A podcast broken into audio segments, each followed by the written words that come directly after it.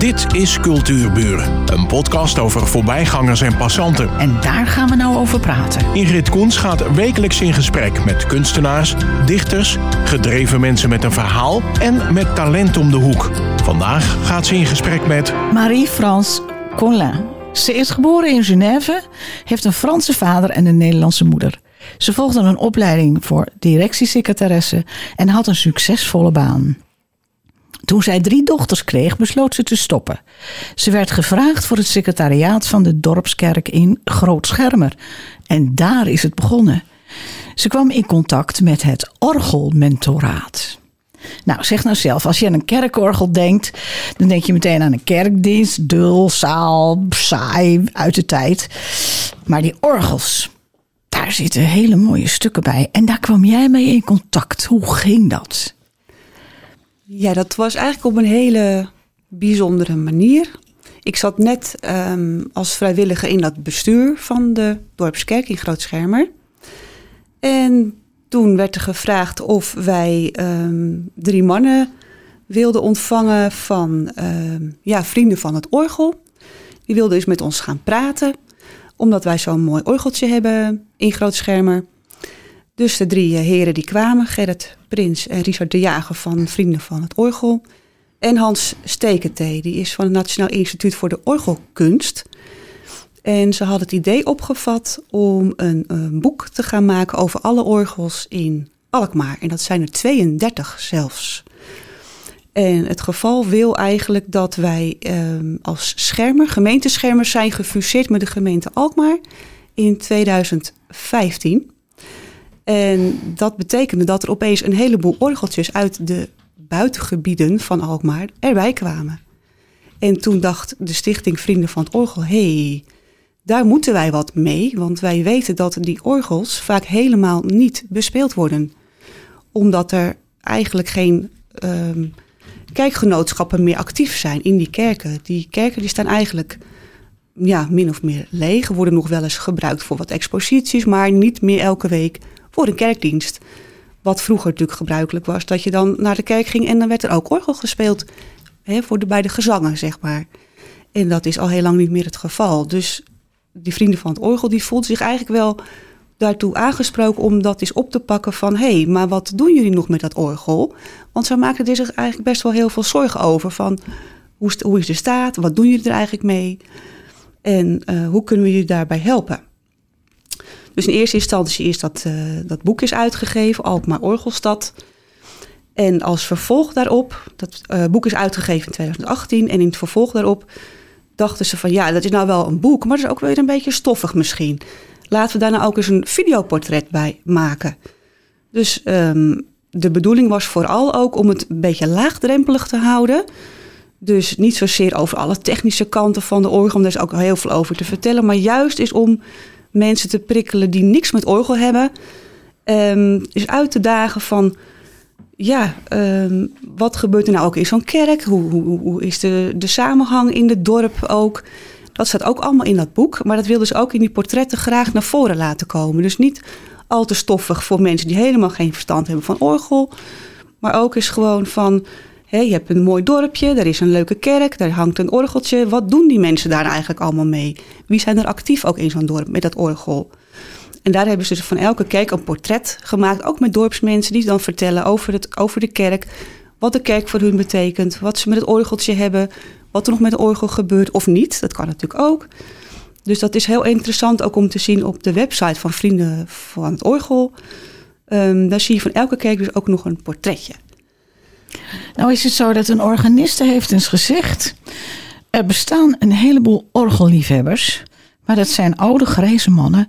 die genieten van Bach, Bach en Buxtehude. Daar zou een jonger publiek bij moeten komen. Nou, dat is nou precies waar het over gaat, hè? Ja. Want ik realiseerde me toen, ook toen ik dat las... hoeveel mensen hebben heden ten dagen nog live... het geluid van een kerkorgel gehoord... Nou, ik denk heel weinig. En daar kwam ook dat orgelmentoraat eigenlijk om de hoek kijken. Dat is een nieuw vak, hè? Het is, uh, dat is geprobeerd.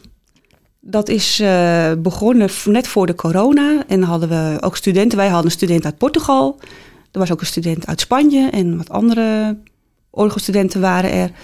Maar door de corona gingen ze weer terug naar hun land. En dat was uh, ja, moeilijk om contact mee te krijgen op dat moment. Dus dat is eigenlijk helemaal stilgevallen. Dat is eigenlijk wel heel jammer, want dat hadden wij heel leuk gevonden om met die mensen van het conservatorium onder leiding van Pieter van Dijk, dat is de stadsorganist van Alkmaar, om daar eens uh, met hun samen op te trekken. En ook heel belangrijk dat ze natuurlijk niet alleen maar spelen, hè, net als dat je auto rijdt en je niet weet wat er onder die uh, motorkap zit. Maar dat je ook weet waar een orgel uit bestaat en wat, als er wat uh, aan mankeert. Ja, wat doet een orgelmentor eigenlijk? Want het, het is een nieuw vak op het conservatorium geworden. Nou, dat is eigenlijk gestopt. Maar het is wel zo dat uh, die vrienden van het orgel hebben dus uh, gezorgd dat er dus op een andere manier orgelmentoren zijn gekomen. Dat zijn op dit moment dus mensen die goed orgel spelen. Mm -hmm. En het ook vaak willen komen doen. Want het moet wel regelmatig gebeuren. Want als je het één keer per jaar doet, het heeft niet zoveel zin. Dus wel het liefst, nou sommigen doen het elke week. Die komen naar het kerkje toe, hebben daar de sleutel of weten daar de sleutel te vinden. En... Um, nou, wat gebeurt er eigenlijk als er niet zo vaak op een orgel wordt gespeeld? Nou ja, dan, uh, dat is net zo met een auto die stilstaat. Dan uh, verstoft de hele boel en dan uh, gaat het heel erg hard achteruit. Dus het moet echt goed worden bespeeld. Hè, er moet lucht doorheen komen. Dat gaat door een middel van een blaasbalg. Dus dat je bijvoorbeeld een vuur oppookt, dat zit in de orgel ook.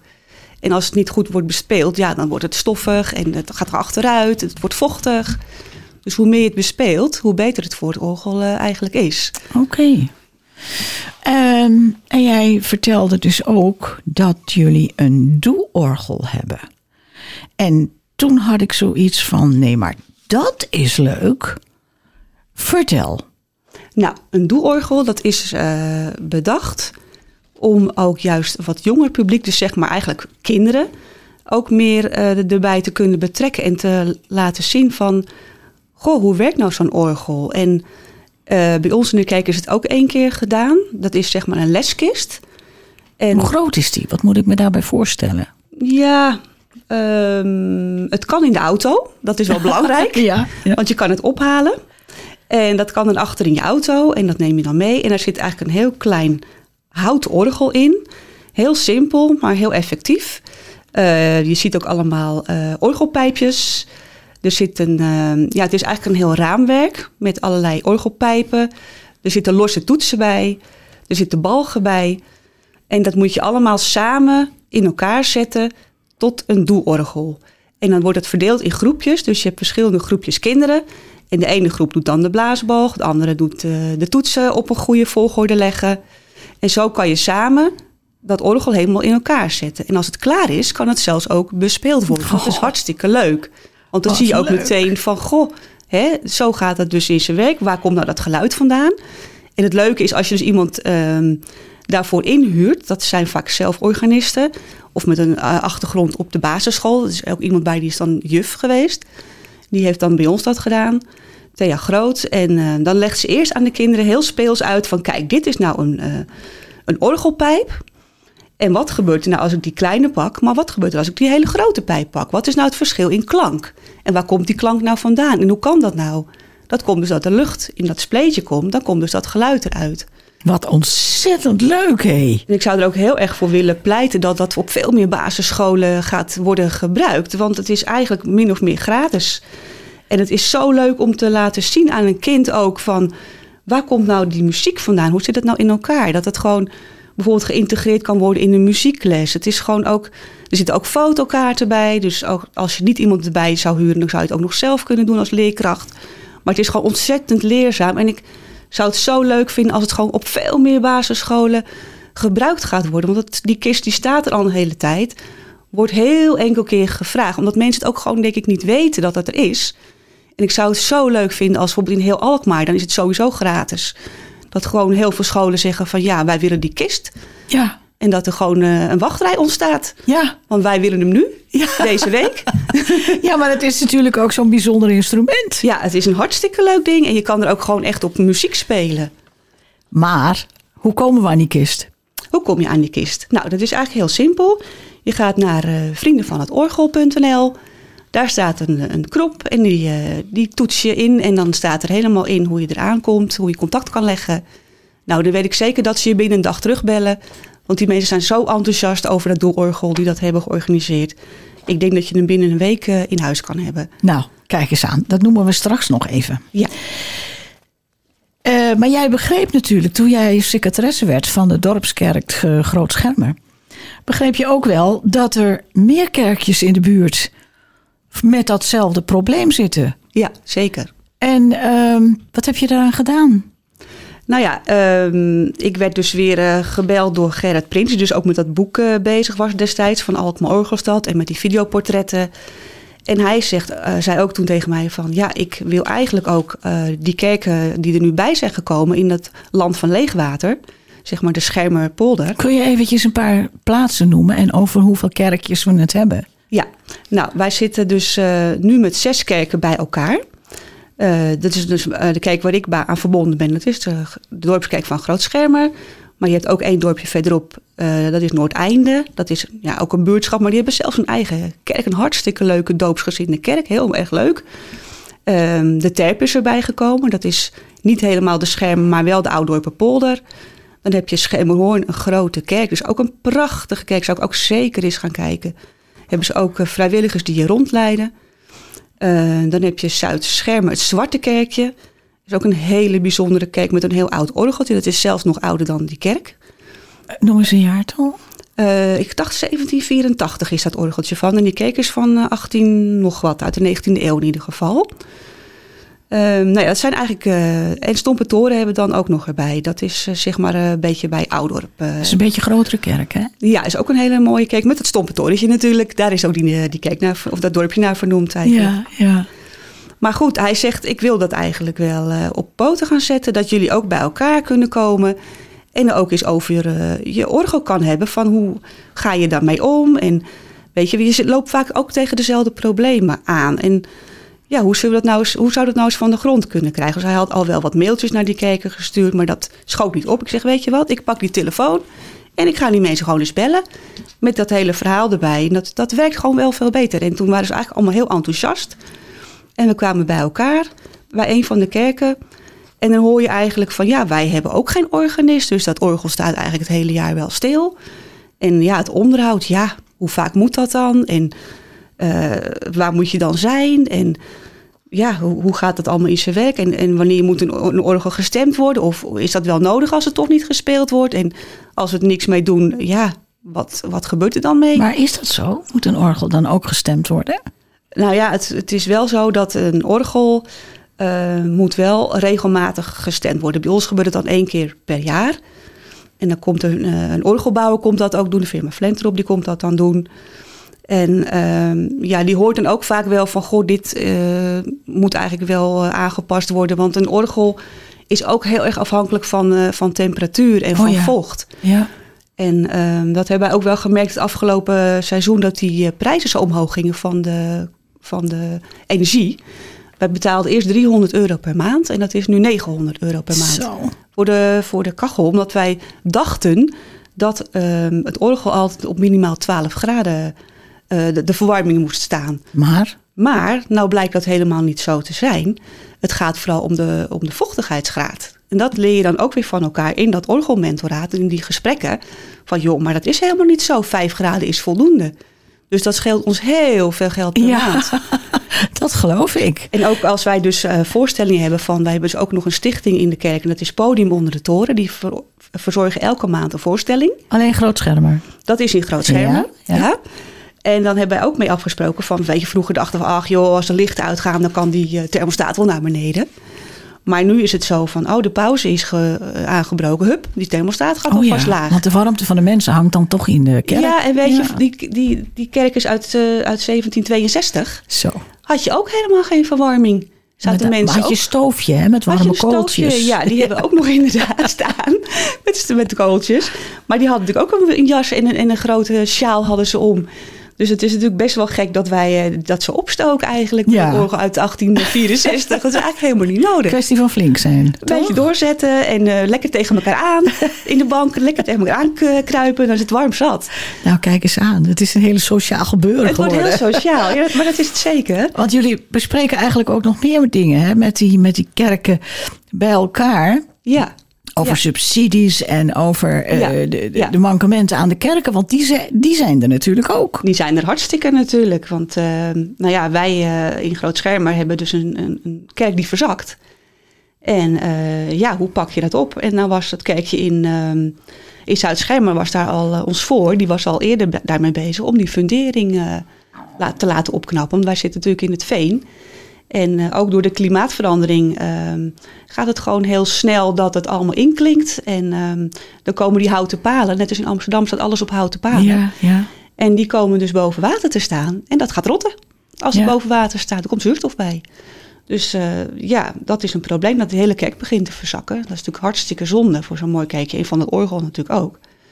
Dus eh, ja, begroting laten maken. Maar dat is 300.000 euro. Zo. Dus eh, dat is nog een aanzienlijk bedrag. ja.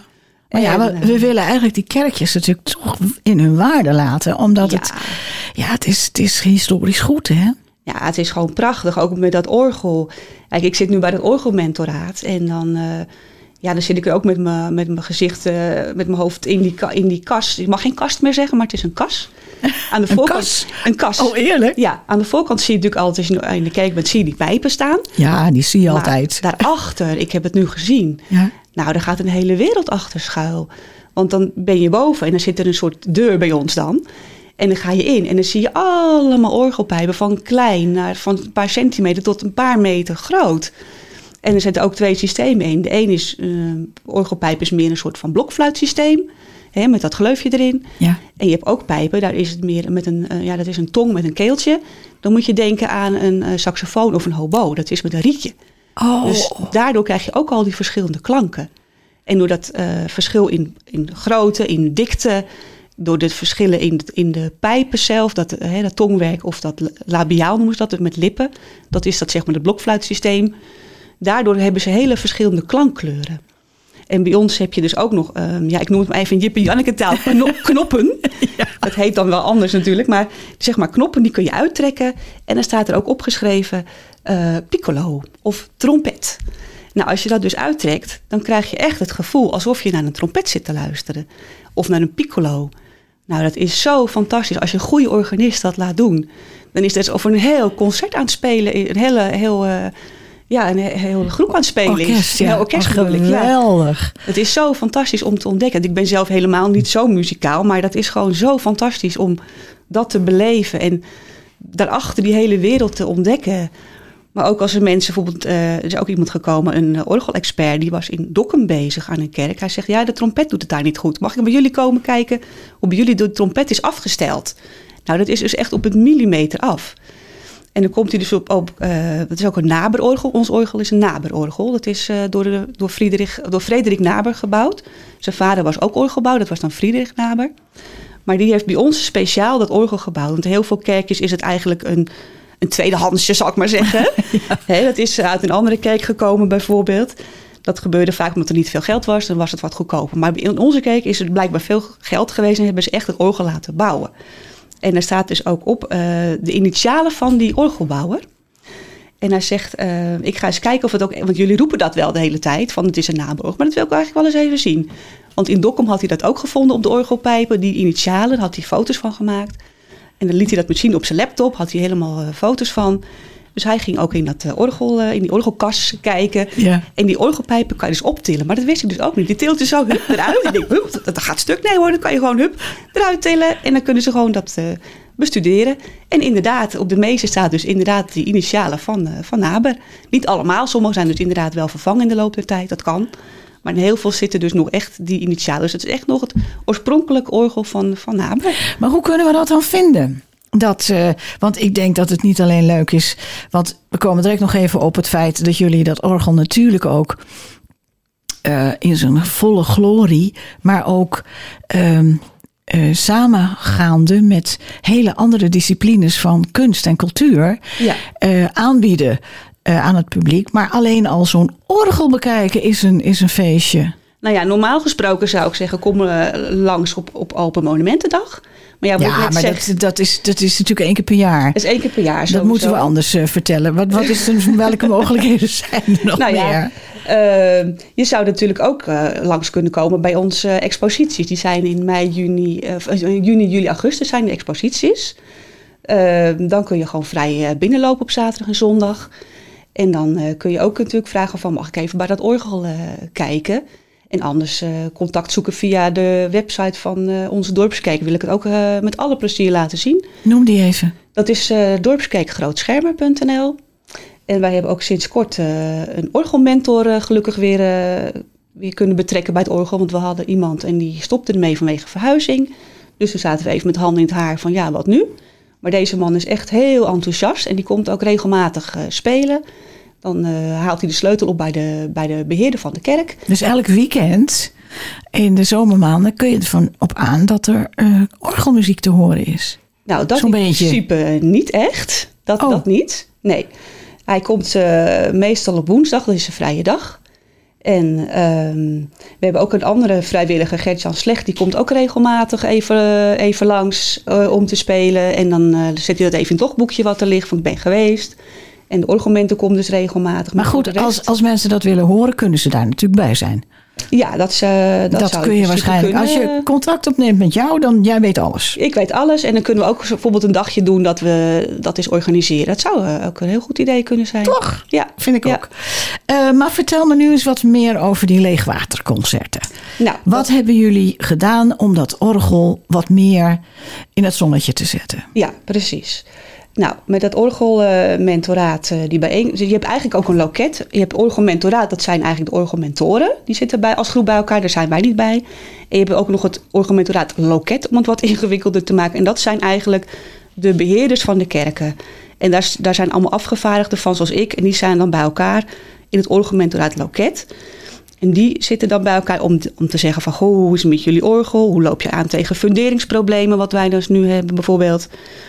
En toen zaten we ook van, en met Gerrit Prins ook van... ja, hoe bereik je nou eens een ander publiek?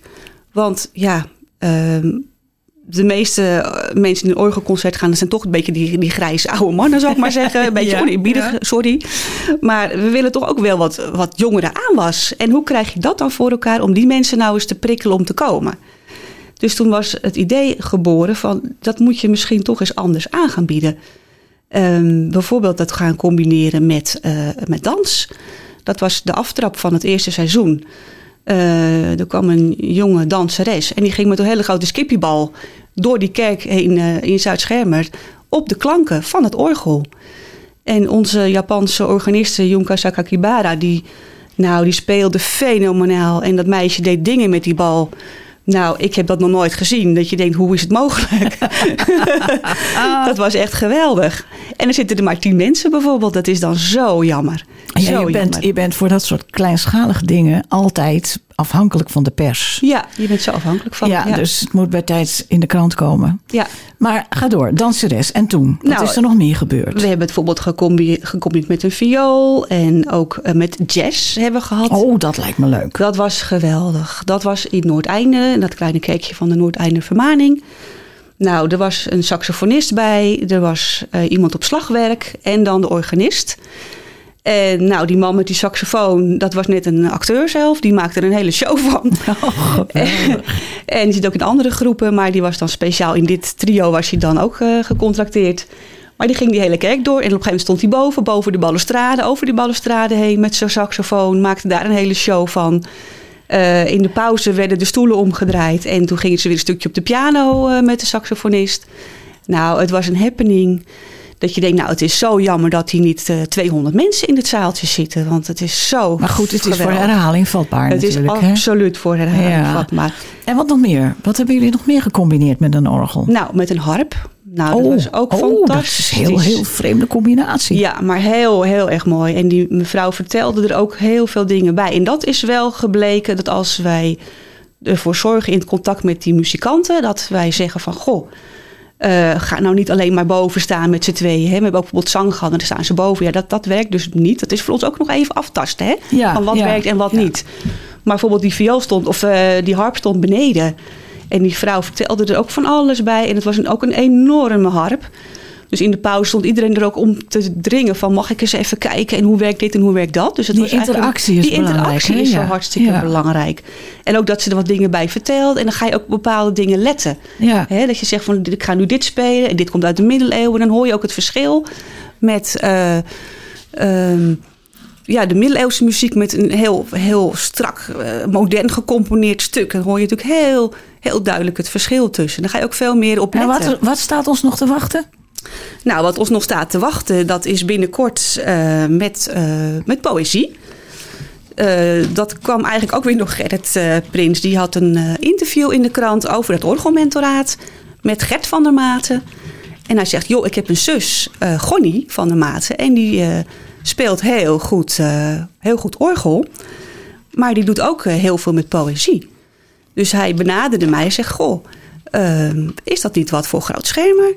Ik zei, nou, dan ga ik even achteraan. Dus ik heb contact gezocht met Gonnie. Die was ontzettend enthousiast. En dat zou gaan plaatsvinden in Groot Schermer. Maar ik had net twee dagen daarvoor te horen gekregen... dat wij dus die fundering gaan aanpakken. Oh, Want daar waren we al vijf jaar mee bezig. Want je moet natuurlijk Maar goed, subsidies krijgen. dat concert kunnen we natuurlijk volgen in de pers. Ja. We kunnen eh, gaan kijken op de website één keer nog.